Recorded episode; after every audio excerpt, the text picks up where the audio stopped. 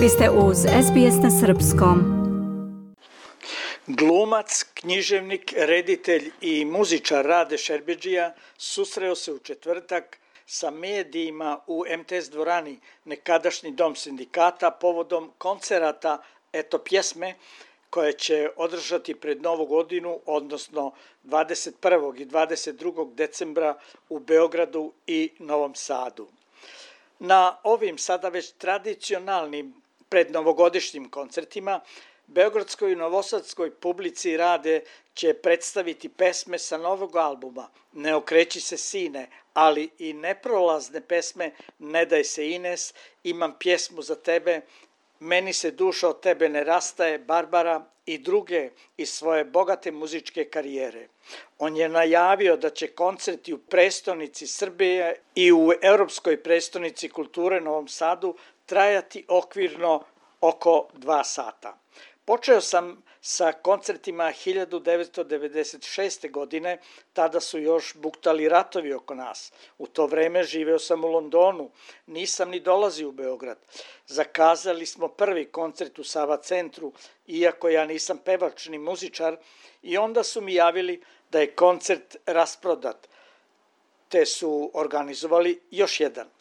Valjda se publika uželela da me vidi uživo, rekao je Šerbeđija povodom tih davnih rasprodatih koncerata u Sava centru, koje nikada neće zaboraviti prema sobstvenom priznanju. Zatim je kazao. I onda su rekli, možemo li mi još jedan koncert napraviti tu večer? onda su dva koncerta u Sava centru napravili, a ja se sjećam, nisam imao orkestra. Imao sam jednog mladića, jedan slovenac, moj Jure Ivanušić, na klaviru je svirao i moj sin koji je tada imao malo godina, Danilo, koji je svirao na, na gitaru. I to je bilo sve. Nikad neću zaboraviti te koncerte. Tad su bile neke studentske demonstracije. Bilo je jedno uzbudljivo vreme, ali onda, kako ja kažem, Iza toga su nekako moji koncerti postali tradicionalni u Beogradu. Baš u to vrijeme prije nove godine nekog slavlja. Zašto? Zato što, što zapravo kao što sam rekao, ma nisam ja neki muzičar, ali to su zapravo neke predstave.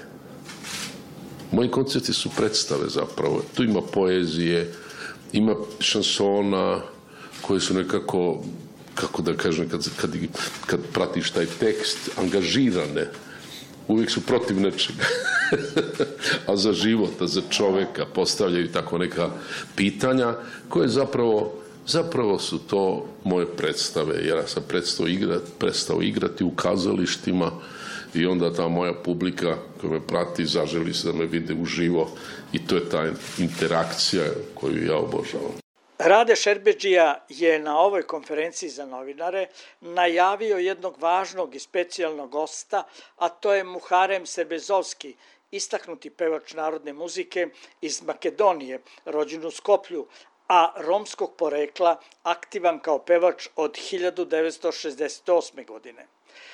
Srbezovski je sjajan, bit će mi glavni gost. Inače je završio studije prava, tako da u ekipi ćemo imati i pravnika, a napisao je prvi rečnik romsko-srpskog jezika, istakao je Rade. Iz Beograda za SBS radio Hranislav Nikolić. Želite da čujete još priča poput ove? Slušajte nas na Apple Podcast, Google Podcast, Spotify ili odakle god slušate podcast.